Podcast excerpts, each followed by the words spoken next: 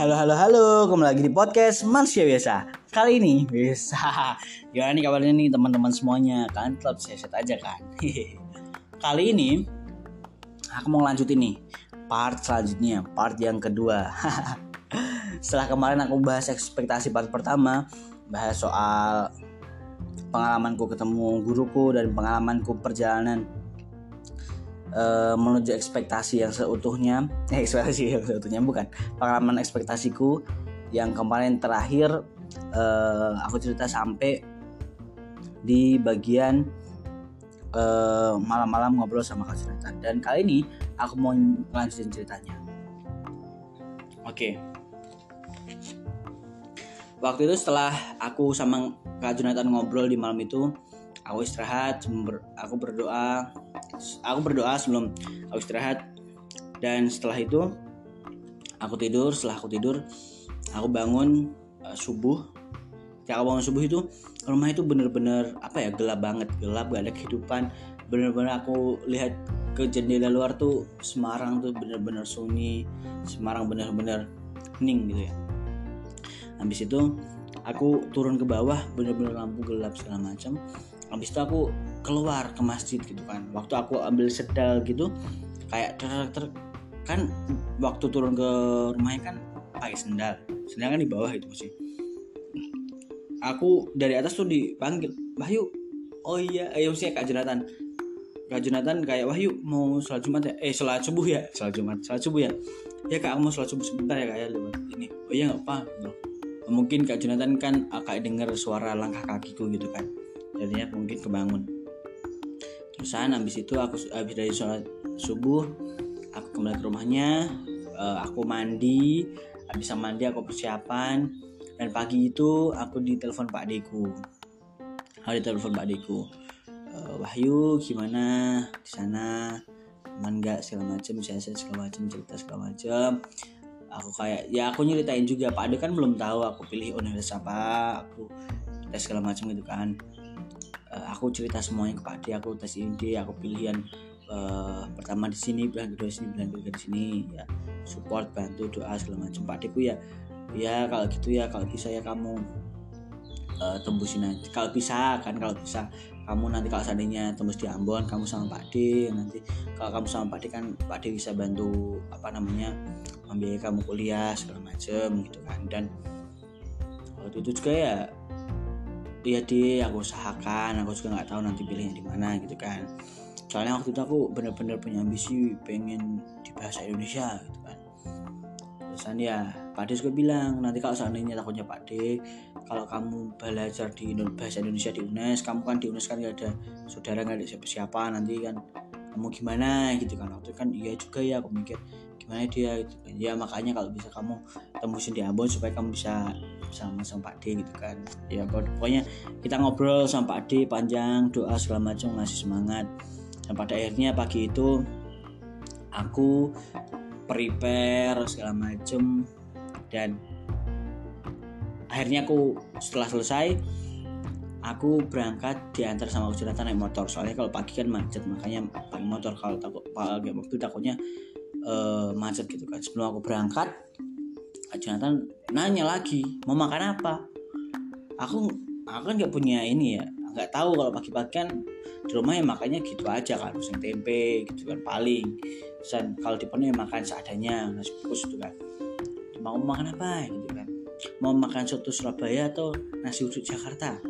Wih ya ini nggak tahu semuanya nih. Kalau soto biasa aku pernah kalau soto Surabaya gimana? Nggak tahu gitu kan. Kalau nasi uduk nih nasi gimana ya? Aku nggak tahu gitu kan. Dan pada akhirnya oke okay, nasi uduk aja kak nggak pernah soalnya. Oke gitu. Ya udah kita makan nasi uduk aja kak nasi uduk aja ya terus setelah aku sampai uh, pada akhirnya kita makan nasi uduk dan pada akhirnya aku tahu oh nasi uduknya nasi rames anjir gitu. Kalau nasi rames iya nasi rames. Kalau nasi rames mah sering gitu. Ternyata nasi uduk ya kayak nasi rames gitu kan akhirnya kita makan habis makan uh, kita berjalan menuju ke arah kampus Win Wali Songo. Ternyata di UIN Wali Songo semua udah rame udah jam itu waktu itu kita ujian jam setengah 8 jam 7 aku sampai itu rame banget. Udah banyak yang datang udah banyak yang mau segala macam gitu kan. Langsung diantar pas di depan gedungnya. Langsung kita uh, kak, kak Jonathan bilang gini uh, Wahyu semangat ya semoga uh, kamu mendapatkan hasil yang terbaik dan kamu, semoga kita bisa bertemu lagi mendapatkan hasil yang terbaik doa yang terbaik dari Kak Jonathan. Ya Kak terima kasih banyak Kak doanya Kak. Semoga saya bisa memberikan yang terbaik. Aku ya udah doanya gitu aja. Sampai jumpa ya. Semangat gitu. Ya udah aku langsung masuk ke ruangan. Di depan ruanganku itu udah ada banyak orang yang menunggu di situ.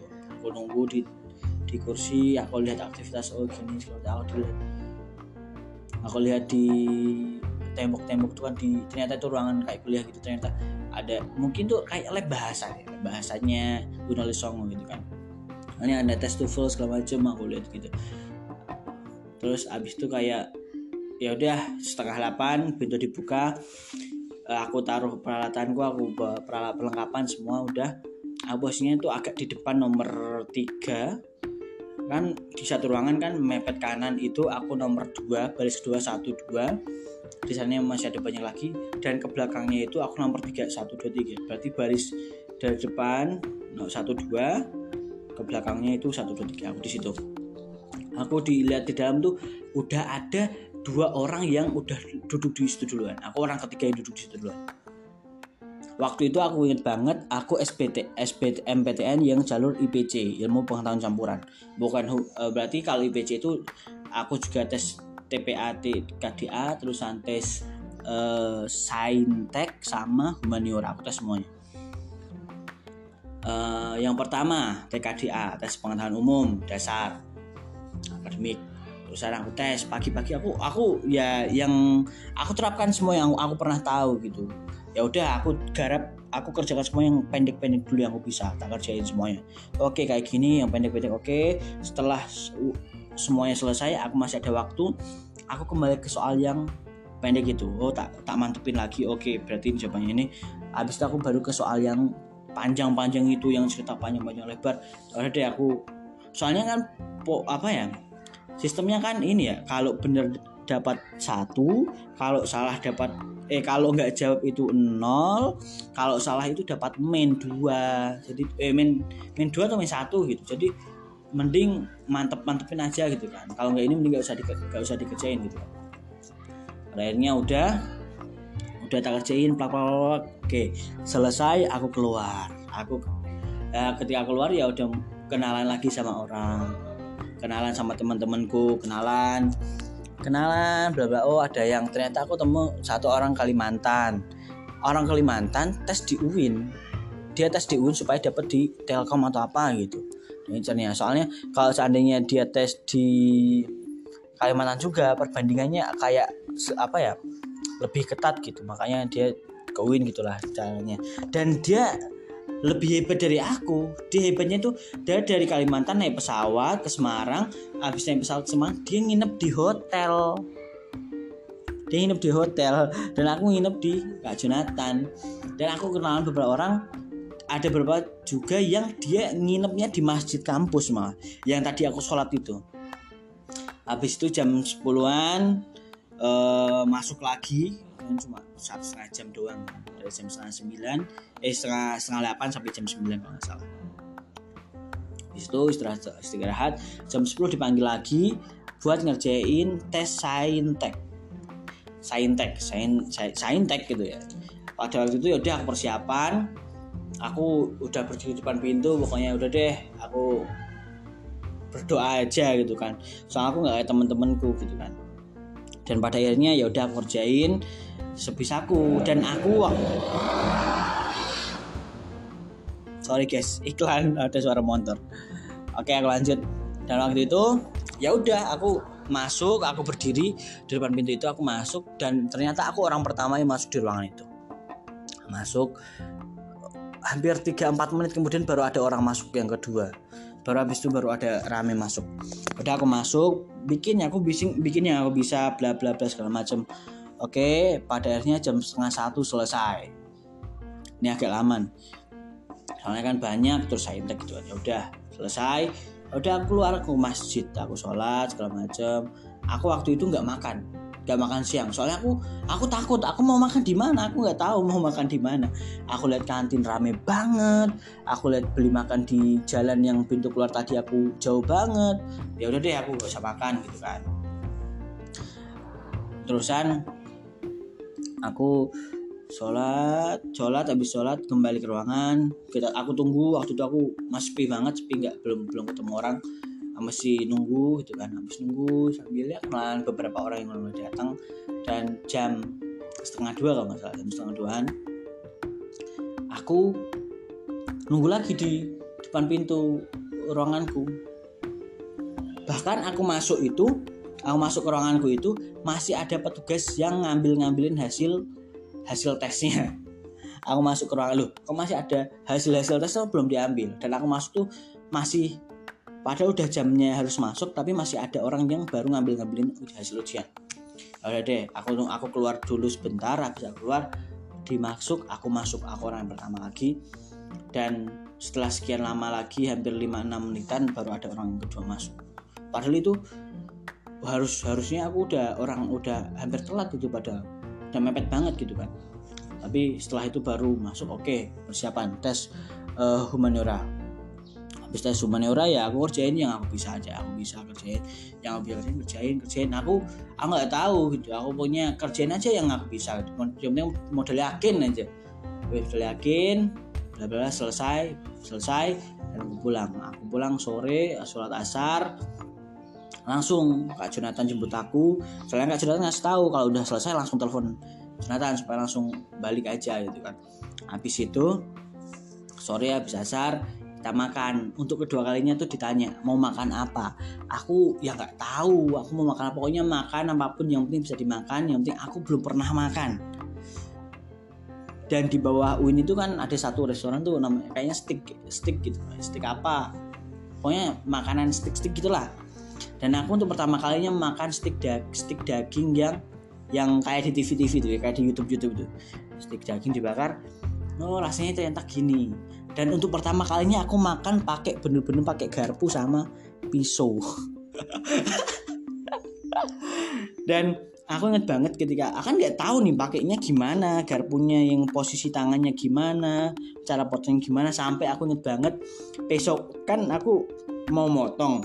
Mungkin aku mau tekan tapi kekencengan makanya pesonya jatuh. Pesonya jatuh Kak Jonathan kan nggak boleh diambil. Ya udah nggak usah diambil. Minta lagi aja. Kak Jonathan Pak minta lagi ganti pisau dimintain pisau ganti yang baru. Sebab aku malu ya ampun. Padahal saat itu ya lumayan rame ada beberapa orang gitu. Yang yang ngeliatin kita juga. Ya udah deh mudahnya untuk pertama kali untuk pertama kalinya aku makan stick gitu kan. Stick ditanyain mau mau mau apa gitu. Mau apa lagi? Udah kak udah cukup waktu itu tuh kak Jonathan mau ngasih aku kue buat dikasih ke kak Idris. Aku bilang kak jangan kak. Soalnya aku nggak ini nggak langsung pulang. Soalnya besok pagi besok pagi ini ada wisuda di sekolahan jadi aku harus langsung pulang gitu. Dan waktu itu aku langsung di di apa diantar ke terminal yang pertama kali aku turun itu dari Semarang dari Jogja ke Semarang. Aku diantar ke terminal dan aku menemukan itu adalah bus terakhir jam jam 6 sore jam hampir jam setengah tujuh malam eh setengah tujuh maghrib.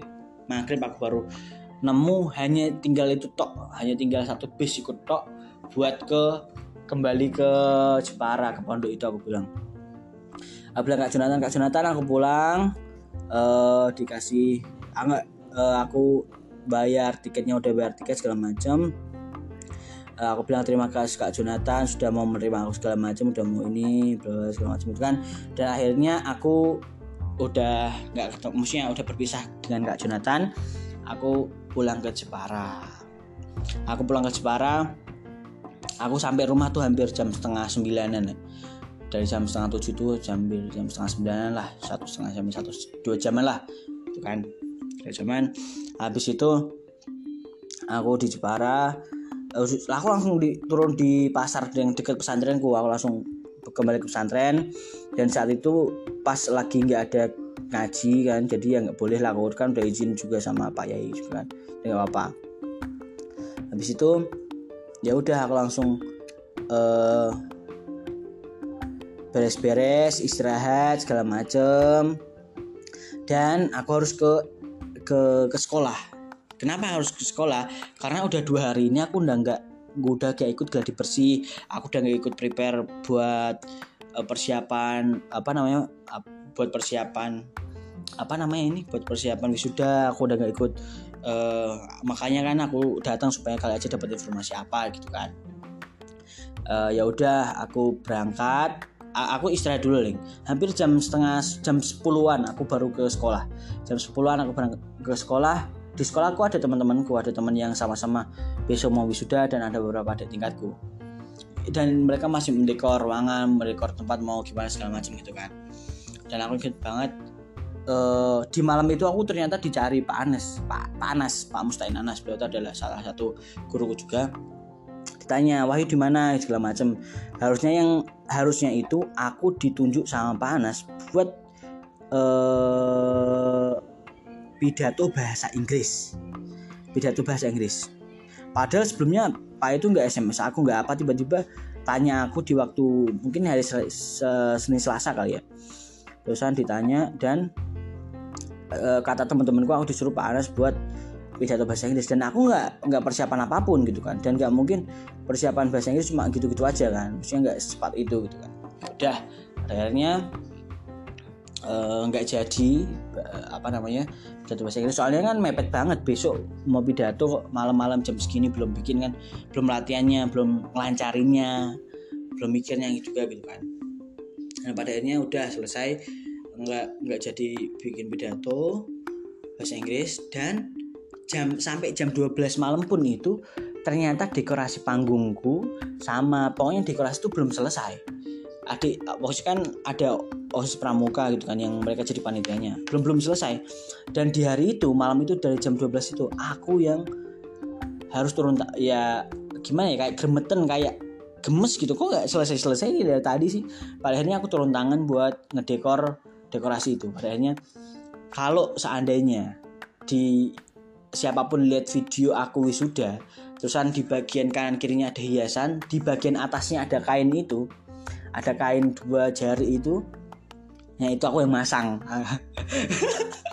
Itu adalah sebuah kebanggaan buat diriku sih. Soalnya aku bisa mendekorasi buat wisuda aku sendiri. Soalnya kan kemarin-kemarin aku udah nggak ikut berkontribusi dan di hari itu aku ikut berkontribusi walaupun cuma pasang dua apa namanya dua dekorasi itu dan beberapa dekorasi di di bagian panggung ya aku sangat masa itu itulah apa ya salah satu kontribusiku juga gitu maksudnya.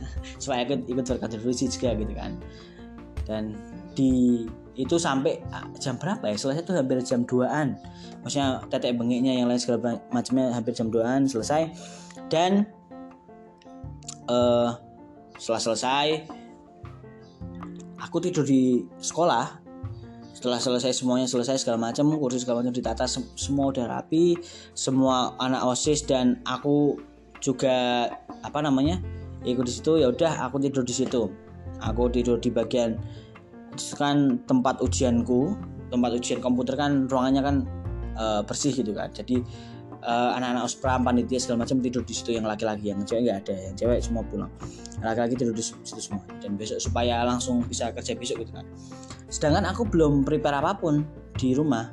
Aku belum nyetrika baju aku belum persiapan dasi atau apa pun aku belum persiapan buat besok acara ini aku belum persiapan gitu kan. Jadi jam 6 pagi uh, subuhan di sana segala macam jam 6 aku pulang ke pondok lagi dan persiapan persiapan segala macam istirahat segala macam dan jam setengah jam hampir jam setengah tujuan jam tujuh kurang aku baru ke sekolah ke ikut acara wisuda sampai selesai dan itu adalah pengalaman yang luar biasa. Itu adalah hal yang ketika apa ya itu semua nggak terjadi dengan sendirinya itu, itu aku nggak ekspektasi dengan waktu yang sesingkat itu proses yang sepanjang itu nggak nggak berekspektasi apa pun. Ya udah aku jalanin aja gitu kan. Justru ekspektasiku adalah berada di SBMPTN itu aku awalnya tuh gak ekspektasi buat ikut SB ujian itu soalnya aku merasa nggak mampu nggak cukup segala macam dan pada akhirnya setelah beberapa minggu kemudian ada pengumuman informasi kelulusan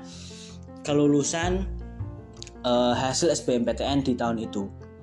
Dan dari empat yang aku sampaikan di podcastku yang pertama kalau temanku ada yang ujian di SMA Semarang UNES sama Undip dan aku di UIN Bali Songo yang kita berpisah-pisah itu dari empat itu ada dua hanya dua yang lolos SBMPTN temanku yang tiga yang satu yang di uh, UNES itu dia udah tiga bulan prepare segala macam dia segala macam uh, ujian bla bla bla. Habis itu uh, teman satu dia fisika diambil fisika. Uh, yang teman satu yang di undip itu dia ambil fisika di undip juga. Uh, maksudnya pilihannya fisika undip fisika undip fisika undip terusan yang temanku di SMA itu dia ambil ilmu psikologi. Di mana? Tuh lupa pokoknya psikologi atau apa pokoknya psikologi psikologi psikologi. Seingatku itu psikologi dan apa lupa. Dan di mana juga lupa kayak psikologi. Terus yang temanku itu yang di UNES itu dia juga milihnya itu bio ilmu biologi di UNES. Ilmu biologi UNES dia tes UNES segala macam. Dan dari keempat itu yang lolos itu tiga. Temanku yang udah persiapan prepare udah dia emang jago fisika segala macam dan dia tujuannya di fisika dia lolos. Dia sekarang uh, kuliah di uh, apa namanya uh, undip di bagian fisika. Sekarang sampai sekarang masih. Dan temanku yang satunya lagi dia yang juga prepare persiapan dia ikut les malah ikut les persiapan SBMPTN segala macam dia yang aku bilang dia tes di UNES dia pilihan di ilmu biologi UNES dia lolos. Cuman dia nggak ambil. Soalnya uh, dia uh, lebih ke UKT-nya mahal, SPP-nya mahal 3 juta makanya dia merasa tidak mampu dan pada akhirnya dia tidak ambil kesempatan itu. Dan yang satunya lagi temanku yang diambil psikolog di atas di SMA itu dia yang apa persiapannya itu yang punya buku tebel-tebel itu SBMPTN sain uh, kisi-kisi apa apa namanya ujian saintek ujian humaniora ujian TK dia, dia yang punya buku-buku itu dia malah tidak lolos. Dia malah tidak lolos. Aku aku nggak punya persiapan apa pun. Aku nggak tahu bisa ikut SBMPTN malah nggak nyangka kenapa malah bisa ikut SBMPTN padahal aku nggak punya ekspektasi buat ikut SBMPTN gitu. Aku lolos. Dan aku lolos di agroekoteknologi Universitas Patimura Ambon. Aku nggak pernah menyangka aku nggak pernah mengira aku nggak pernah tahu nggak pernah punya bayangan nggak pernah berekspektasi apa pun soal itu.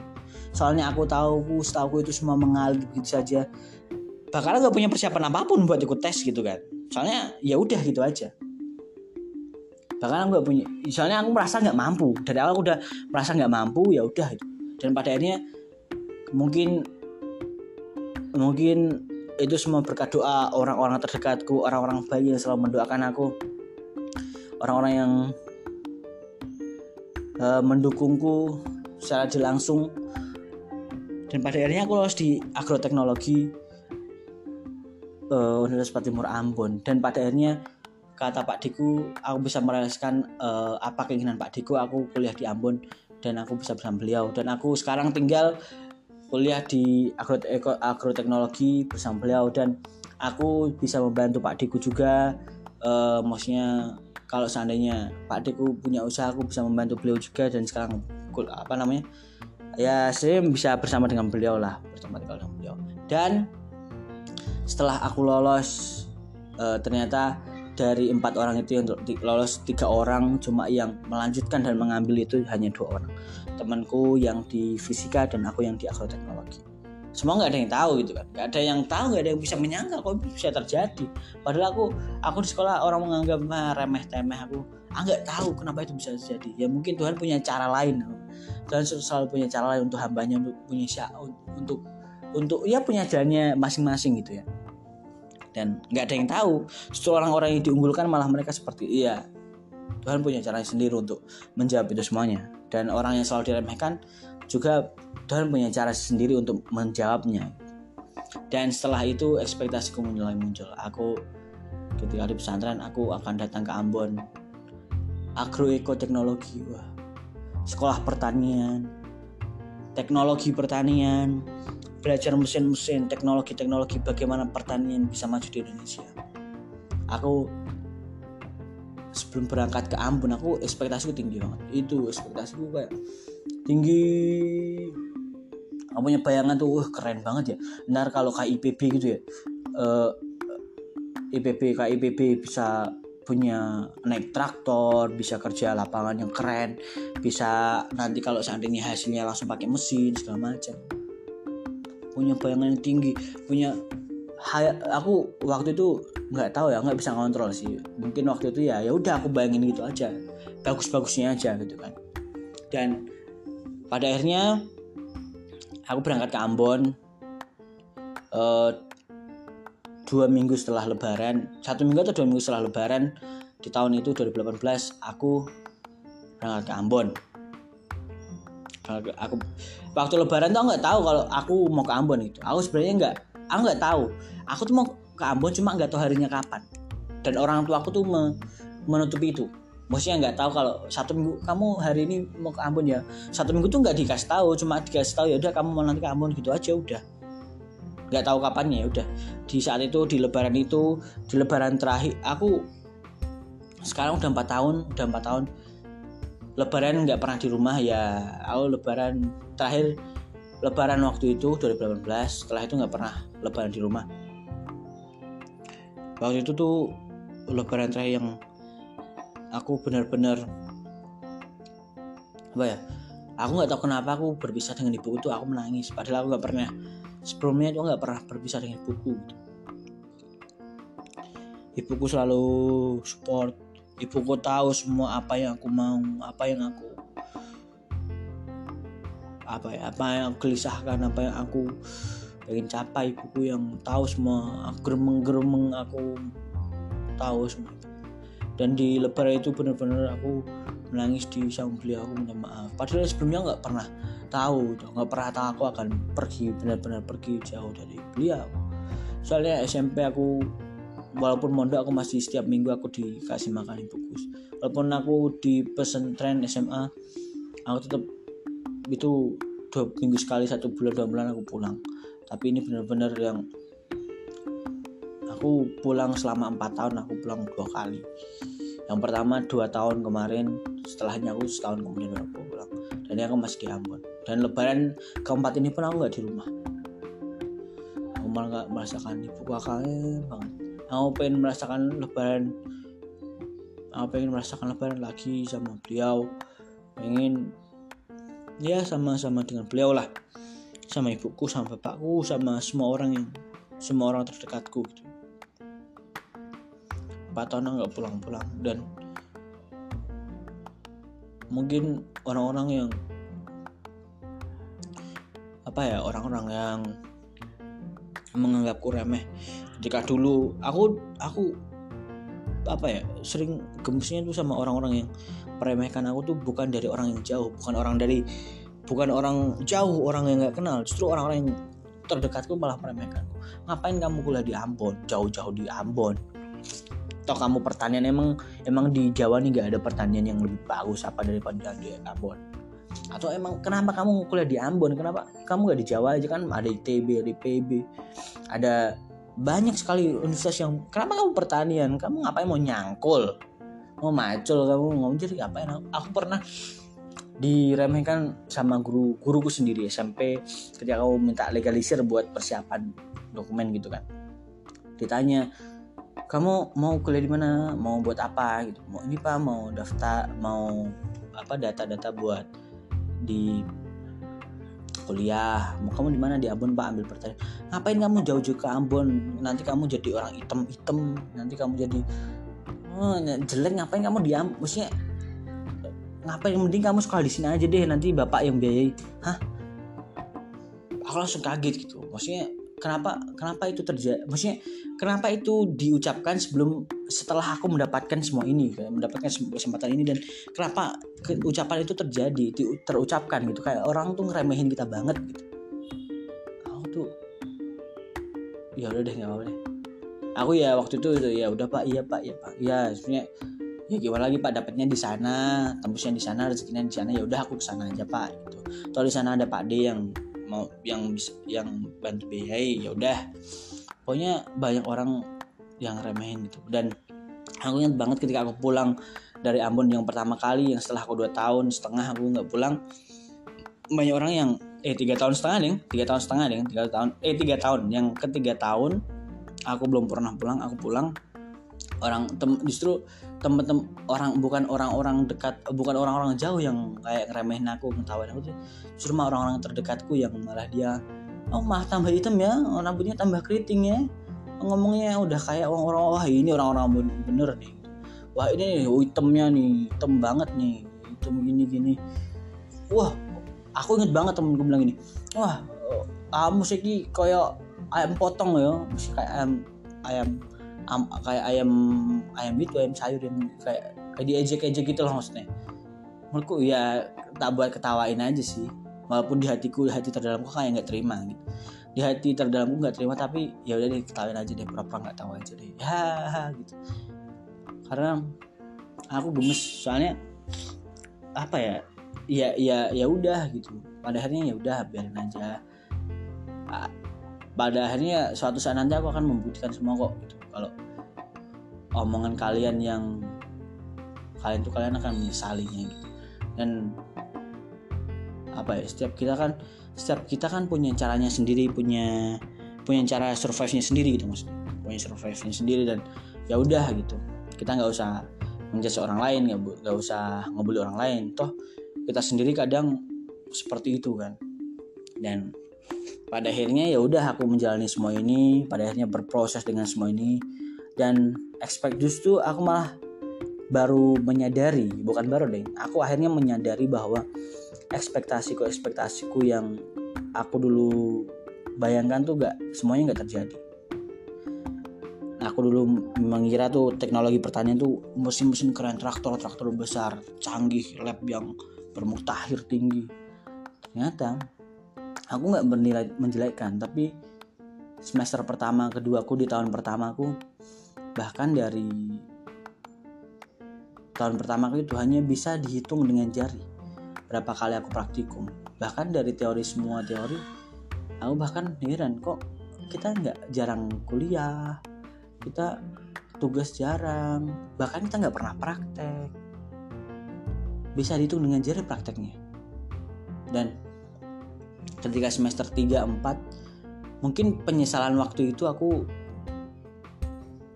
Tuhan tuh punya cara lain buat buat menyadarkan aku kamu tuh gak usah kebanyakan nyesel kamu gak punya gak usah kebanyakan uh, berhayal kamu jalani aja. Aku pernah ditegur gitu dengan waktu itu semester 3 aku diberangkatkan ke Bali buat ikut lomba karya tulis ilmiah aku berangkat ke Bali eh, dengan apa ya dengan makalah yang kita punya dengan keterbatasan kita kita gak punya banyak waktu buat persiapan. Aku modal nekat karena semester 1 temanku ada yang pergi ke Bandung semester 2 temanku ada yang pergi ke Jogja karena mereka punya semangat yang tinggi buat bisa survive. Mereka punya keinginan tinggi buat mereka punya ide dan pikirannya dan semester 3 aku gak mau tahu pokoknya kita harus pergi ke mana pun itu. Dan Tuhan punya cara lain. Aku diberangkatkan ke Bali Universitas Udayana. Kita berkompetisi di situ dan persaingan kita tinggi-tinggi. Ada yang buat website ada yang punya bikin teknologi ada yang bikin semuanya canggih-canggih dengan teknologi terbarukan yang mereka punya dengan AI yang mereka bikin. Tapi Tuhan selalu punya cara lain. Kita diberi amanah untuk mengemban juara yang kedua. Padahal kita tuh menjadi orang terakhir buat presentasi dan presentasi kita acak adul gak acak-acakan. Soalnya sumpah di presentasi itu presentasi pertama aku langsung minder. Karena mereka menyampaikan dengan puisi dengan ini dengan mereka sudah terkonsep dengan rapi. Peserta kedua udah mulai wah anjir. Aku langsung kayaknya aku aduh langsung down. Peserta ketiga aduh aku makin down. Peserta keempat peserta kelima aku main down. Ke, semakin ke down. Maksudnya semakin down semakin down. Soalnya semakin bagus-bagus yang mereka tampilkan. Ketika dipanggil peserta yang keenam kita maju. Aku presentasi dengan terbata-bata karena aku ngomongku belepotan. Temanku kak kak Wegis juga belepotan. Dan kita kehabisan waktu. Kak Desta temanku satu Desta. Dia nggak nggak selesai. Aku aku mengambil banyak waktu darinya. Soalnya aku merasa perlu tapi pada akhirnya Desta nggak nggak kebagian ngomong. Dan setelah itu ketika tanya jawab Desta semua yang ngomong. Kita nggak ada yang ngomong. Kita memberikan semua ke Kak Desta.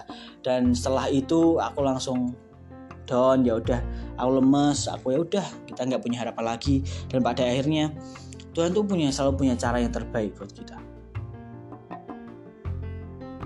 Dan subhanallah nggak nyangka kita diberi juara yang kedua. Diberi amanah untuk mengemban juara yang kedua. Itu semua nggak ada yang tahu semua itu Tuhan punya caranya sendiri. Setelah itu di semester 4 ada kejadian gempa. Semester 3 itu udah mulai gempa semester 3 itu udah mulai gempa di mana gempa itu gempa 6,2 skala Richter yang terjadi paling tinggi di Ambon. Pecah segala macam. Proses kita sangat panjang. Dan semester 4 itu di mana orang punya trauma tinggi terhadap gempa dosen nggak mau kuliah di dalam ruangan. Dan di semester 5, 6, 7, 8 itu belum datang ibu. Di semester 4, 5, 6 eh, eh 5, 6, 7, 8 itu ada pandemi. Jadi nggak ada yang tahu semua itu terjadi dengan begitu saja. Dan semakin ke sini semua penyesalan itu semakin aku aku ketuni semakin aku sesalkan gitu. Kayak aku kuliah di Ambon aku pengen bisa bisa ini bisa itu bisa ini. Aku pengen bisa teknologi ini bisa itu. Semua ter, nggak terjadi. Dan Tuhan menjawab semua itu dengan ketika aku semester 4 Tuhan tuh punya cara terbaik buat aku. Aku beri amanat aku diberi amanat untuk mendapatkan beasiswa BI Bank Indonesia. Aku mendapatkan beasiswa Bank Indonesia selama dua periode selama semester 4, 5 dan 6, 7 semua tuh kayak penyesalanku semua dibayarkan dengan Tuhan dengan caranya sendiri. Mungkin aku menyesali semua ini dengan cara bla bla segala nggak bisa tapi Tuhan punya caranya sendiri untuk menjawab itu semuanya dan itu setelah aku tahu itu nggak boleh disesali. Tapi itu semua diambil pelajaran gitu. Dan semester 7 setelah masih ada pandemi habis sudah mulai longgar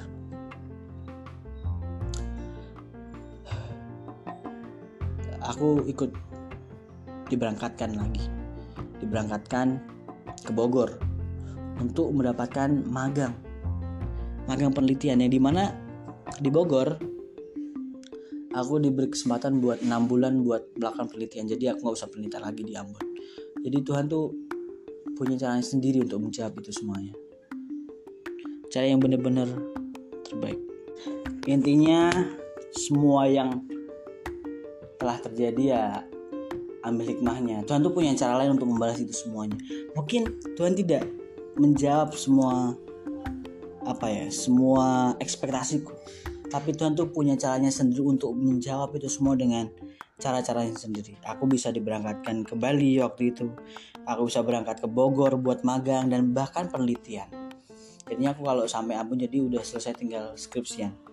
Dan aku diberikan amanah untuk pernah ikut gabung dengan beasiswa Gen BI Gen B tergabung di Gen B. Mungkin Tuhan tuh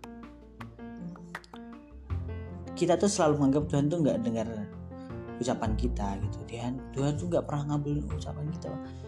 Kadang kita berpikir seperti itu tapi Tuhan tuh punya cara sendiri untuk menjawab semua itu. Yang bahkan kita nggak sadari dengan proses yang terjadi. Bahkan proses yang terjadi ini itu bukan terjadi dengan begitu saja. Proses yang terjadi dengan proses yang terjadi saat ini pun itu terjadi dengan karena proses kita yang dulu mungkin aku pernah berdoa yang aku pernah cerita di part satu bahwa aku berdoa apakah rasanya gimana ya rasanya jadi muridnya bapak beliau? Gimana rasanya diajar oleh beliau? Pada akhirnya beliau mengajar aku. Suatu saat baru tahu oh ternyata itu doa suatu apa suatu ketika suatu apa beberapa lama kemudian itu baru terjadi. Dan bahkan adik beliau malah diajar ibuku keponakan beliau sih dan aku berekspektasi banyak sekali tentang pertanian di Ambon. Gimana aku banyak mengeluh tentang banyak mengeluh tentang kok nggak kok nggak ada praktikum? Kok nggak ada ini? Kok nggak ada itu? Kok banyak yang ini guru dosennya kok ini dosennya kok gitu? Aku banyak mengeluhkan itu. Tapi Tuhan punya cara lain untuk menjawab aku itu aku digabungkan dengan beasiswa BI supaya aku berorganisasi juga. Aku diikutkan diberangkatkan kamp, eh, fakultas juga ke Bogor buat melakukan penelitian. Bahkan penelitian itu kalau seandainya aku kerjakan di Ambon bahkan alatnya tidak mendukung. Kurang mendukung kurang menjangkau. Tapi aku diberi amanat buat bisa ber, diberangkatkan ke sana dan pada akhirnya aku bisa menyelesaikan itu. Tuhan tuh punya cara yang terbaik untuk menjawab itu semuanya. Dan tanpa kita sadari bahkan bahkan kita tanpa sadari semua itu terjadi dengan begitu saja. Tapi semua terjadi itu dengan proses yang mungkin diri kita sendiri buat gitu. pada akhirnya uh, proses yang kita dapatkan sekarang yaitu adalah proses yang dulu kita pernah pernah pernah ada gitu. Bahkan seandainya kalau dulu kita nggak pernah proses berproses seperti itu kita nggak bisa sampai sini Eks, dulu kalau seandainya dulu kita nggak punya ekspektasi ekspektasi itu kita nggak punya bayangan bayangan itu kita nggak bisa sampai sini. Kalau dulu seandainya aku uh, mendapatkan beasiswa atau mungkin dulu aku seandainya uh, apa namanya uh, sekolah di kuliah di Jawa mungkin aku belum tentu bisa mendapatkan aku belum tentu bisa ke Bali aku belum tentu bisa aku berangkat ke Bogor. Mungkin kalau seandainya aku uh, lanjut uh, di Jawa. Mungkin iya aku bisa lebih dekat dengan orang tua aku. Lebih dekat dengan bapak ibuku terus. Tapi aku nggak bisa berkembang. Aku survive-nya kurang survive gitu maksudnya aku masih bergantung dengan orang tua aku malah. Aku bisa masih bergantung dengan uh, semua dengan beliau. Malah nantinya tak menyusahkan beliau. Dengan adanya seperti ini aku makin tahu banyak dengan kehidupan.